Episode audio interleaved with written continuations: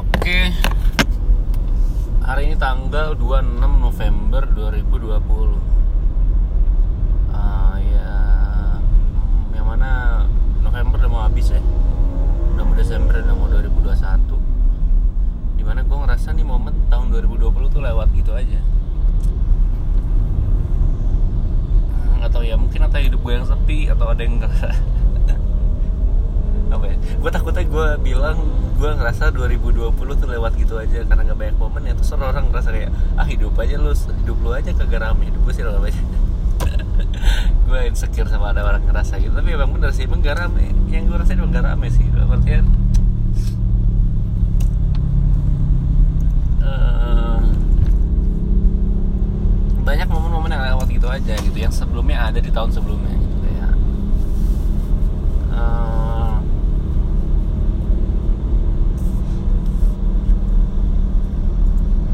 dari awal tahun udah pandemi ya kan? Dari Februari Maret itu udah pandemi dan ekonomi hancur dan sebagainya Eh, dan banyak momen yang hilang kayak lebaran contohnya momen puasa sebelum lebaran bahkan Eh, selama bulan Ramadan itu terawih gue enggak enggak terawih gue terus sholat idul anjir idul fitri gue sholatnya ya. lupa lagi gue enggak kayak kagak kayaknya kagak dah iya enggak idul fitri gue kagak sholat terawih selama ramadan kagak eh, karena gue insecure ke masjid gitu dalam artian eh, rumah gue itu kan bukan di komplek yang premium yang yang masjid besar gitu dalam arti ya, ya dalam artian masjid masjid komplek biasa aja gitu dan nggak ada protokol kesehatan sama sekali di mana nggak ada yang jarakin lalu nggak ada yang yang pakai masker juga ya mayoritas lah ada sedikit yang kagak gitu juga gue ngerasa gue udah bersyukur gue WFH ya dari artian gue tiap hari di rumah gue WFH dari Februari Maret.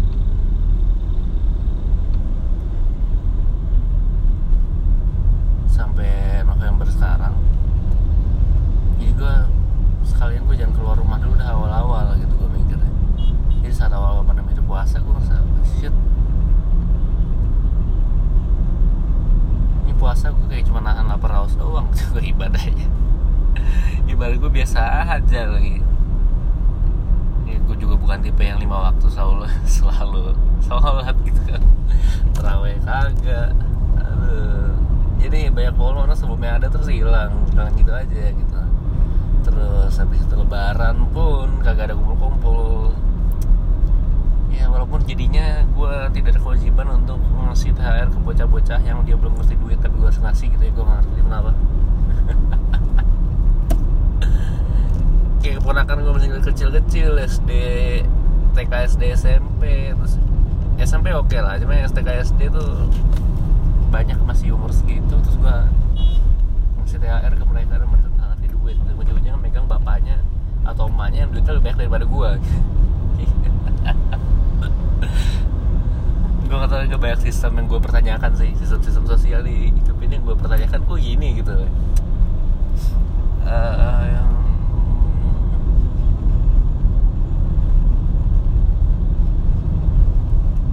contohnya nikah. Shit kakak gue mau nikah. Eh, Januari 2021 dan gue belum sampai situ gitu. Ya gue tahu eh, hidup ini bukan lomba ya. Kita nggak punya kewajiban atau kita nggak punya keharusan untuk ada di tahap yang sama dengan hidup orang lain gitu tapi yang gue yang menjadi yang menjadi apa ya, mengganggu sedikit mengganggu gue adalah karena kakak gue mau nikah nyokap gue jadi jadi ngepus gue seakan-akan gue harus cari pacar atau nikah juga gitu. Gak ngepus sih dia nggak cuma kelihat kerasa lah itu udah mulai ada tuntutan itu dari dia ke gue karena setelah nanti Januari kakak gue nikah setelah itu yang ditunggu gue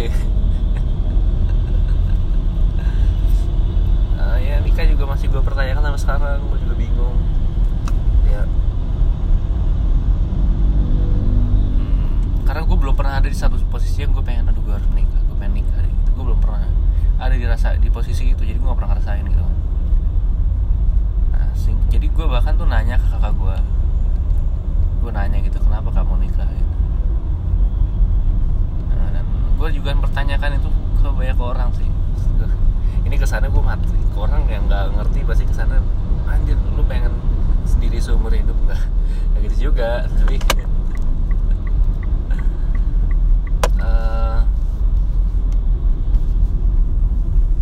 maksud gue adalah apa alasannya? Hmm. kalau dibilang untuk punya anak gue belum gue pertama apakah nikah buat punya anak gitu ya? Dalam artian kan punya anak anak itu kan rezeki dari Tuhan yang titipan yang lu belum tentu dikasih gitu. Ya dalam arti kan lu kan belum tentu bisa punya anak men. Maksudnya kesuburan masing-masing kan itu menentukan gitu. Jadi lu jangan masa lu menikah tapi untuk punya anak gitu ya kesuburan masing-masing menentukan gitu. jadi kalau lu nggak nggak dikasih eh, secara medis itu tidak mungkin kan terus tapi lu menikah karena itu lu akan lu ada potensi untuk menyesali pernikahan lo gitu Hmm. terus gue akhirnya nanya kalau ibadah banyak orang juga nanya yang bilang itu salah satu bentuk ibadah gitu dan gue setuju setuju gue nah pertanyaan gue adalah dari sekian banyak kalau itu memang itu salah satu eh, bentuk ibadah kita terus kenapa lu milih yang itu? Kenapa nggak ibadah yang lain gitu? Artian nikah tuh hmm, mahal ya gue eh, sedikit eh, dengerin obrolan kakak gue sama nyokap gue tentang pernikahan tentang biaya-biaya pernikahan terus gue nanya ini biaya buat apa? Ini biaya buat apa? Terus gue nanya anjirnya nikah tuh kok mahal ya? Maksud gue maksud gue kok kok mahal gitu. Bukan berarti gue ngapain bukan. Maksud gue gimana ya? Gue masih tidak menemukan apakah apa urgensi untuk menikah dengan biaya yang tinggi gitu. Em, kalau cowok-cowok yang udah nikah itu yang dia punya keinginan untuk terlihat bijaksana di depan orang lain dia bilang oh biar nikah itu gue rela keluarkan segitu demi keba untuk demi kebahagiaan calon istri gue dan keluarga gue gitu kan. Gimana kalau ada yang gitu ngomong itu di depan gue pengen gue fuck. Cowok macam apa gitu karena cowok nggak punya dream wedding men. Lo harus tahu. Cowok itu nggak punya yang namanya dream wedding. Kalau ada cowok punya dream wedding lu harus pertanyakan pertanyakan kembali deh. Lu harus pikir ulang hidup lu deh. Kalau lu cowok dan lu punya punya dream wedding lu harus pikirkan kembali hidup lu deh. Kayaknya ada yang salah sama diri lu. Karena dream wedding itu cuma ada di cewek gitu. Cowok tuh nggak punya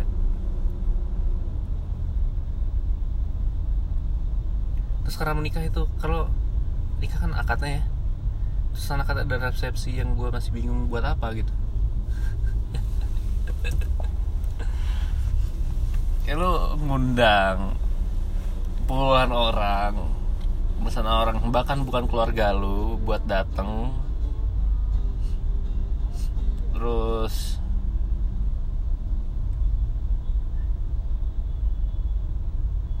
lu berdiri nih sama istri lu di depan ruangan. Terus di depannya lagi banyak makan makanan lu ngundang orang buat datang situ terus nyalamin lu cuma selamat dan selamat selamat selamat. Udah mereka makan cabut. Selamat selamat makan cabut. Terus maksud gue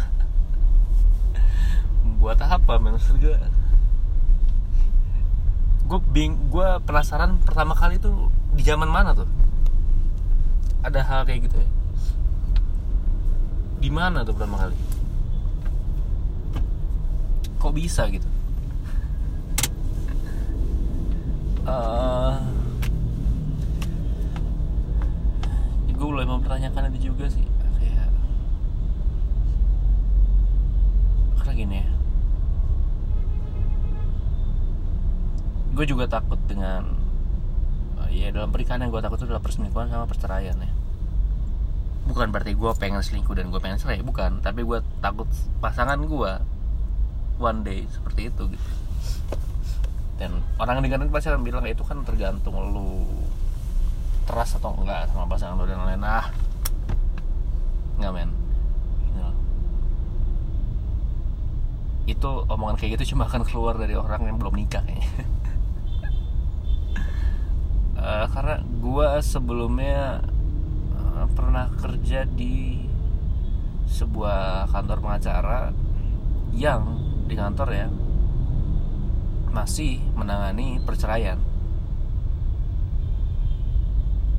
Yang mana itu old school banget ya buat kantor-kantor hukum karena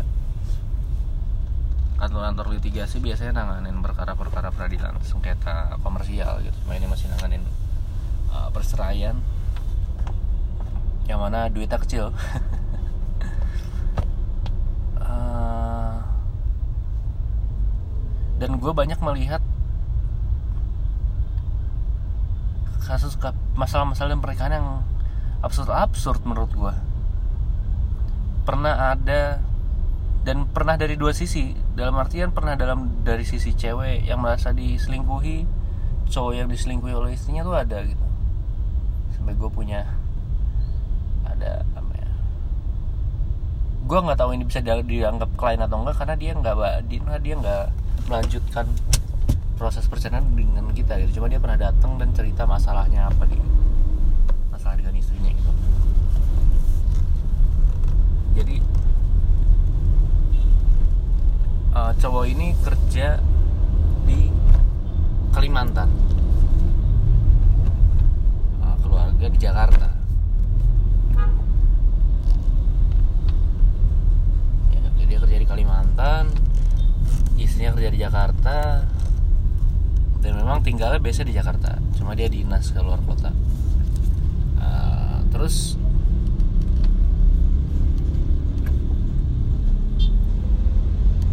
istrinya ini Duh gua ya pokoknya istrinya ke- kerja di salah satu bank. Nggak usah disebut bank apa. Pokoknya depannya B belakangnya A. Buah Eh, jadi bank tersebut dan istrinya selingkuh dengan teman kantor. Dan eh, tidak hanya selingkuh tidak hanya selingkuh mungkin lu anggap gue bilang selingkuh lu akan oh iya selingkuh kayak gimana sih? Enggak men. Istrinya tuh check in hotel sama nih cowok berkali-kali gitu beberapa kali. Dan gak cuma di Jakarta check innya di Bandung juga. Jadi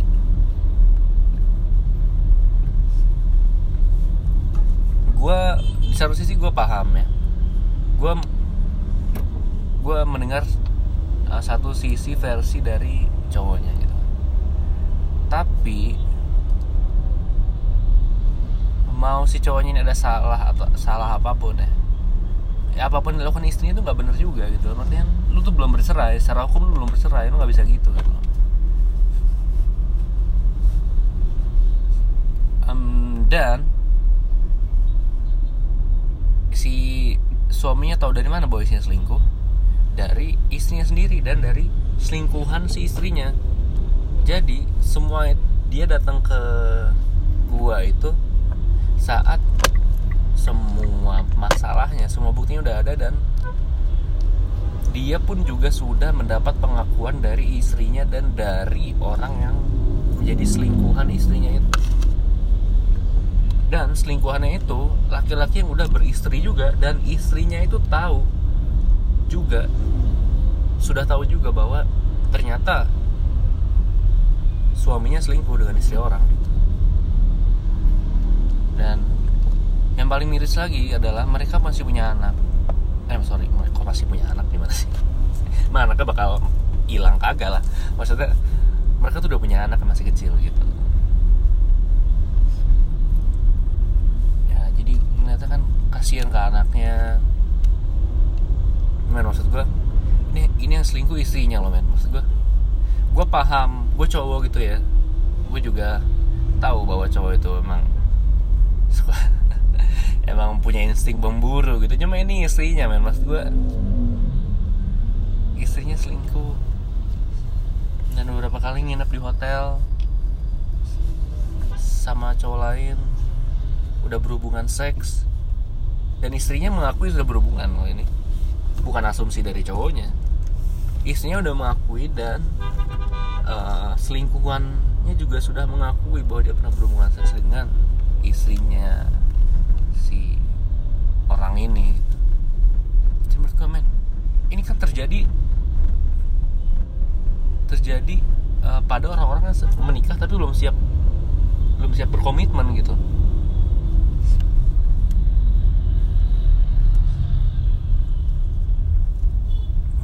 Jadi gue gue takut gue ini siap menikah tapi gue belum siap berkomitmen gitu. Dan gue takut pun sebaliknya gue takut pasangan is uh, apa ya saat gue menikah calon istri gue itu juga mungkin dia siap untuk menikah. Siap untuk lep, apa lepas dari orang tuanya dan menjadi tanggung jawab gue gitu. Siap hidup bersama gue tapi dia nggak bisa berkomitmen gitu. Dan itu yang itu yang gue takutkan gitu. Dan dan gue rasa kalau gue nggak nikah nih kayaknya itu akan jadi ketakutan gue seumur hidup gue gitu bawa mana pun gitu. Sampai kapan pun. Um, sebaliknya pun dari sisi istri yang suaminya selingkuh pernah juga ada di kantor gue jadi gue mendapat dari dua sisi yang menurut gue menarik gitu. Nah, yang ini lebih absurd lagi karena ternyata si suaminya ini adalah predator seks. Gak tau ya, gue istilah gue predator. Ini yang nyebut predator tuh gue gitu, karena gue ngeliat kasusnya tuh fuck ngeri banget. Dalam artian si suaminya ini ah ini bodo amat ya gue ngebongkar rumah tangga orang juga udah gue nggak nyebut nama uh, gue nggak nggak ngerjain kasus itu gue cuma dengar ceritanya dan mungkin gue juga nggak tahu sekarang jalan gimana jadi udah amat ya gue nggak nyebut nama ini dari sisi istrinya suaminya suami selingkuh. Si suaminya ini ternyata suka nggak tahu gini gue gue kenapa ketawa ya anjing.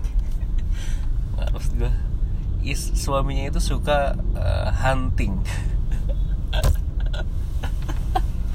Yes, yes. suaminya itu suka hunting cewek. Dalam artian si suaminya itu main online dating app entah itu Tinder, entah itu micet di mana bisa micet itu banyak lonte ya. dan lain sebagainya gitu. Dia main itu. Dan dia banyak ngegodain cewek-cewek lain dan bukan hanya digodain, mungkin dari sekian banyak yang digodain pasti kan cewek ada yang nggak suka gitu digodain cara digodain apalagi lewat lewat uh, apa namanya apa sih namanya. Ya lewat media sosial gitu kan cewek nggak cewek tidak cewek itu nggak akan merasa tertarik dengan cowok yang begitu gitu. Tapi ada juga yang ngewaro dia ngewaro si cowok ini.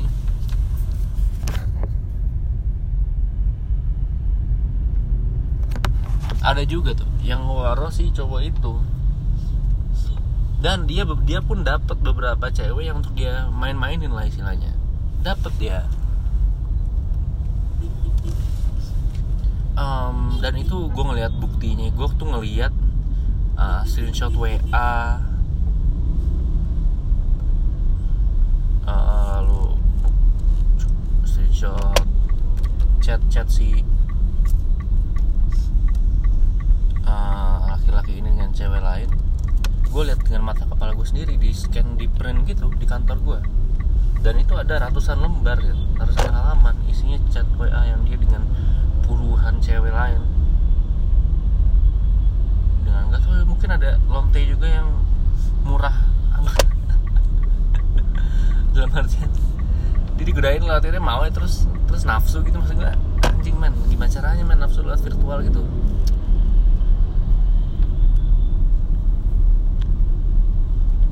Bahkan suaminya itu apa ya flirting ke satpam. Nggak, nggak. tiap kan dengar kata satpam pasti dibayangin lu cowok kan tapi ini cewek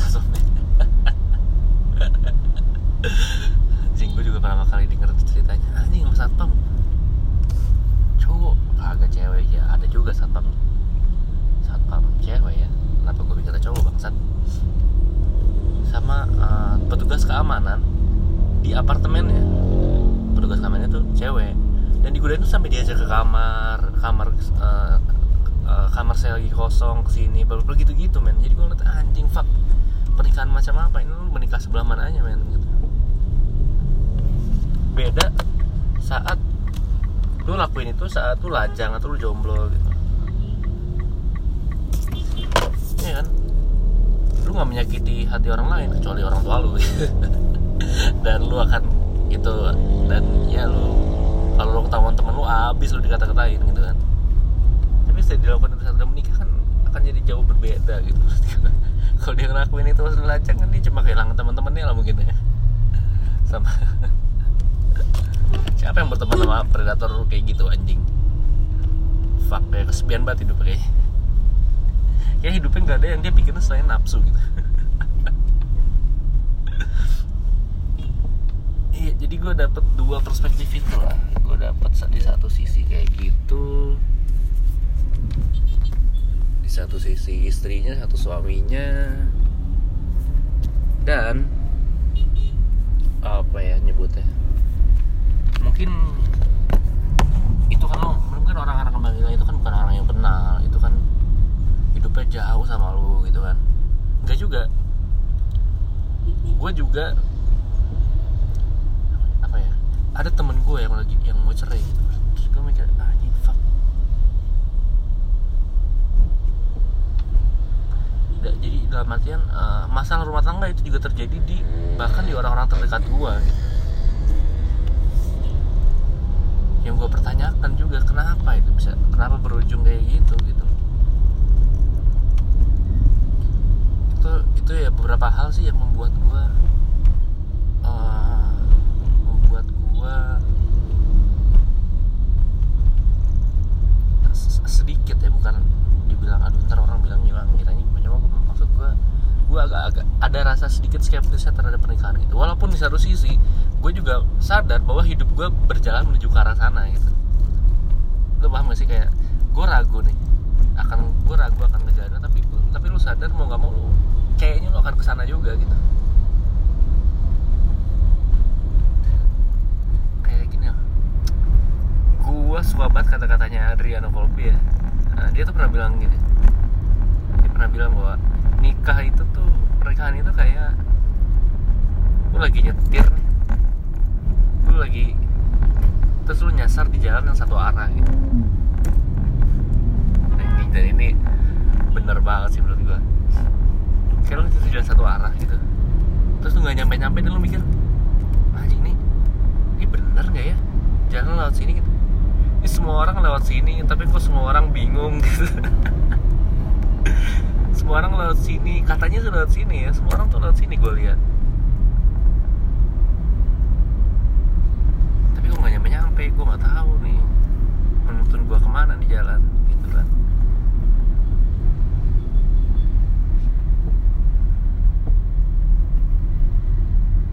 dan dan kata dia juga uh, orang yang bercerai itu kayak orang yang berusaha muter balik di jalan yang satu arah gitu. Kenapa? Karena orang bercerai itu dijat sama orang lain kan kayak ah lu cerai udah lu lu lu lu," gitu kan. Ya orang yang bercerai itu biasanya dijat sama keluarganya walaupun keluarga nggak deket sama omnya tantenya sama teman-teman yang nggak ada yang nggak deketnya kan dijat gitu kan. Kalau kata Adri itu sama tuh kayak orang yang lagi jalan di jalan satu arah terus dia mau muter balik gitu. Tetangganya keluar orang-orang keluar. Mau ke mana mas? Mau ke mana? Nggak bisa muter nggak bisa muter. Lurus lurus gitu kan. Terus katanya sih anjing itu gue pasti denger anjing bener juga nih bangsat. Hmm, dan orang yang serai itu kayak orang yang muter balik gitu kan. Dampaknya adalah dia bikin orang bikin orang lain ragu juga gitu. Kayak misalkan gue nyetir dari satu arah nih terus di depan gue muter balik lah kok dia muter balik nih? Ini, ini bener gak sih di jalannya gitu. Jadi orang lain juga ragu juga gitu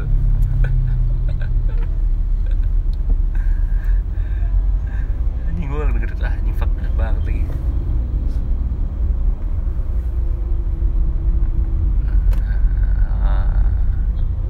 ya gue setuju banget dengan itu. Dengan kata-kata dari itu ya. Gue nggak menganggap itu kutipan gue gue dengar itu dari Adit dan gue bisa katakan ulang karena menurut gue itu apa ya punya tingkat analogi yang validitasnya tinggi. Gitu.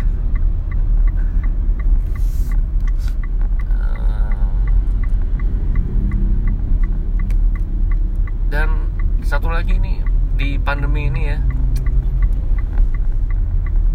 ini adalah masa di mana terbukti dengan valid bahwa pernikahan itu nggak harus gede. Gue seneng banget aja ngomongin ini nggak tahu kenapa. Karena gue rasa orang-orang menikah sebelum pandemi dengan pernikahannya megah ngundang puluhan orang bahkan dia nggak dia, dia nggak terlalu dekat ya orang tuanya mengundang teman-teman yang puluhan orang lima puluhan orang lebih itu gue merasa itu nggak ada maknanya gitu. Jadi kenapa? Karena sekarang pun bisa gitu. Tanpa itu pun lu dan saat pandemi ini gue mikir banyak um, memang ada beberapa teman gue yang menikah di saat pandemi ini.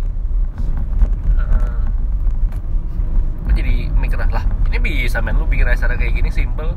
Itu kenapa dari kemarin lu minta mau dan pertanyaan gue pertanyaan adalah begini kalau saat pandemi aja bisa bikin pernikahan dengan mengundang keluarga dan uh, acara yang sangat simple. Gue nggak bilang acara yang murah yang simple itu bisa jadi sangat mahal. Tapi maksud gue dengan acara yang simple dan gak ribet lah. Ini kok bisa? Kenapa sebelum sebelumnya sebelum pandemi nggak ada yang begini gitu kan? Jawabannya cuma nggak pernah ada yang jawab itu ke gue sih. Cuma pasti menurut gue adalah karena cuma ya gimana lagi men? Orang tua gue pengennya gitu.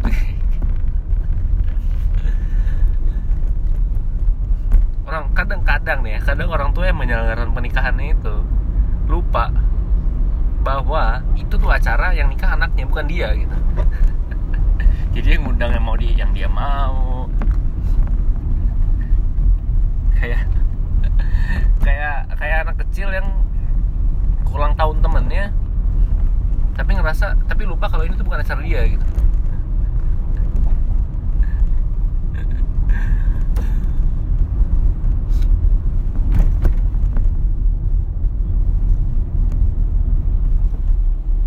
Sekarang bisa men orang nikah simpel simpel itu. Acaranya nggak terlalu besar nggak perlu megah nggak perlu undang banyak orang um, simple men. Asli. Jadi gue bingung sama orang nikah nikah sebelum pandemi itu berarti buat apa men? Selain karena buat nyombong. Ya iyalah. Banyak hidup ini gak ada Instagram pun bahkan mau sebesar ini itu men. Itu sosial sosmed itu juga jadi kunci. Jadi penentu jadi faktor nggak tahu ya. Di zaman sekarang jadi faktor orang untuk bertindak gitu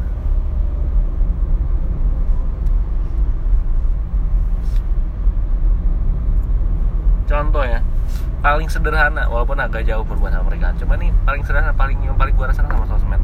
Dan orang-orang pasti relate. Ba banyak banget men orang yang mau beli iPhone cuma supaya Instagram story-nya bagus. Maksud gue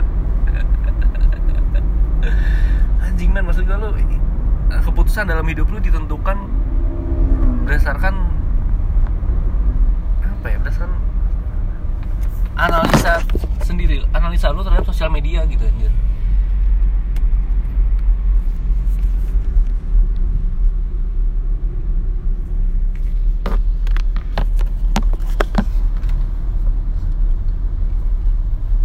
Gue ya banyak kan yang, yang beli.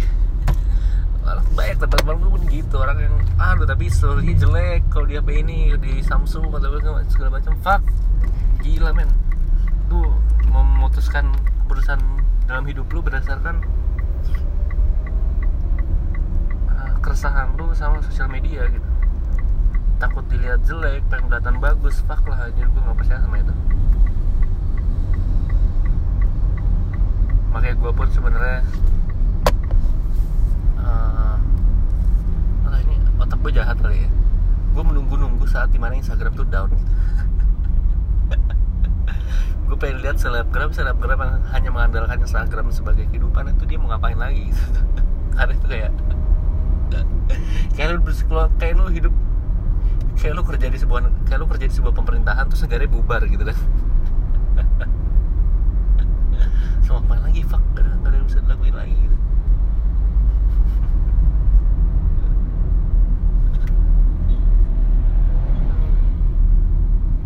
Pandemi ini banyak orang yang kelihatan lebih keren dari orang lain. Contohnya apa driving golf naik sepeda. Driving golf juga itu salah satu hal yang aneh menurut gua. Banyak orang mau. Gila men. Driving golf itu kan sama kayak lu main futsal dan masih lu olahraga men. Lu nyewa satu apa namanya satu line driving golf itu lu kayak nyewa sama jika lu nyewa lapangan bulu tangkis lapangan futsal lu bus itu olahraga bukan photoshoot atau gaya-gaya. Gua. Dan ini akan ini, ini valid banget sih menurut gua. Karena banyak banget band kalau Instagram orang tiba-tiba belajar main golf. Ya menurut gua oke bagus. Tapi pertanyaan gua adalah kalau nggak ada Instagram atau nggak ada Instagram Story atau nggak ada Instagram atau kalau nggak ada sosial media apakah lo akan melakukan itu? Gue rasa enggak dan salah gue pun juga driving gue juga gue juga driving gitu juga sering main. Tapi gue udah sering main dari dari zaman gue SMP bedanya ya gue main dari zaman gue SMP di saat belum ada Instagram ya. Zaman BlackBerry.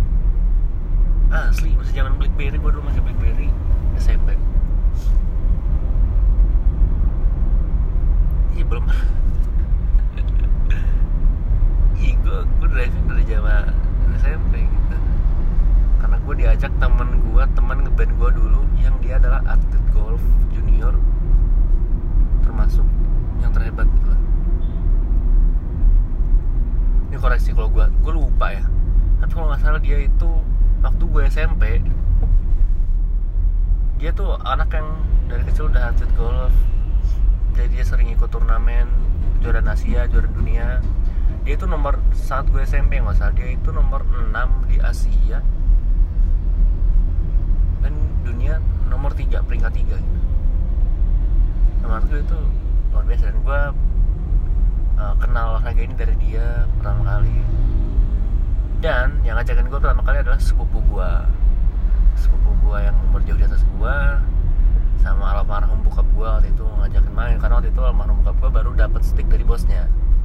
Waktu dinas di luar kota dapat stick golf dari bosnya dibawa pulang ke Jakarta mau dipakai nanya sepupu gue yang emang hobinya main golf dan diajarin. Nah gue juga diikut sering ikut diajak diajak jadi diajarin. Nah dari SMP tuh. Kagak yang sekarang men. Maksud sekarang. Gila. Gila. Setelah ada sosmed driving race jadi jadi rame. Itu tandanya orang situ karena karena sosial media gua. Gila dulu di dekat rumah gua tempat driving range Cilangkap sepi cuy. Sepi banget. Duh, dan dulu gua driving golf di Pondok Indah gua masih inget zamannya belum ngantri-ngantri kayak sekarang kalau nggak gue lupa tadi gue sana lagi sepi apa gimana cuma kagak ngantri. Sekarang kalau lu ke driving race di Pondok Indah pasti ngantri main ngantri bisa 12, 15, 20 orang. Juga hancur. Ya orang di masa pandemi tuh kehabisan kegiatan terus pengen kelihatan keren apa gimana?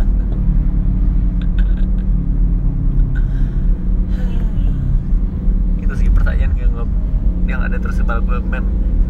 Apa kalau di dunia ini kagak ada Instagram gak ada kalau di dunia ini gak ada sosial media apakah lu akan melakukan hal yang sama dengan yang melakukan sekarang gitu? Karena banyak pertimbangan lu yang lu lakukan keputusan-keputusan dalam hidup yang lu ambil karena lu mikirin pandangan orang lain. Fuck, fuck.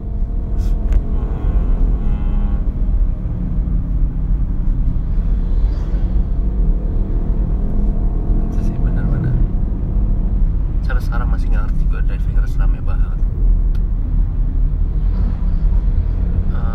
Terus sepeda juga. Hmm, jadi laku keras masker awal-awal pandemi. Setelah pandemi itu perekonomian kita bertumbuh bertumpu sama penjualan masker sama sepeda.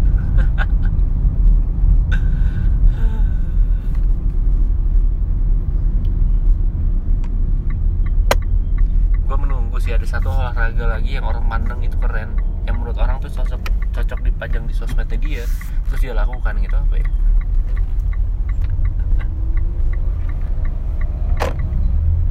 banyak kegiatan-kegiatan yang lu lakukan dalam hidup lu yang sebenarnya lu nggak suka atau lu dan atau sebenarnya lu nggak kepikiran untuk melakukannya itu karena lu nggak butuh. Tapi karena faktanya menurut orang lain itu dianggap keren jadi lu lakukan gitu. Itu toxic banget baru gue gue banyak lihat itu sosial media gitu. Anjing gue banyak kerjaan lah bodo amat lah anjing. Menurut gue ngomongin orang tuh baik ya.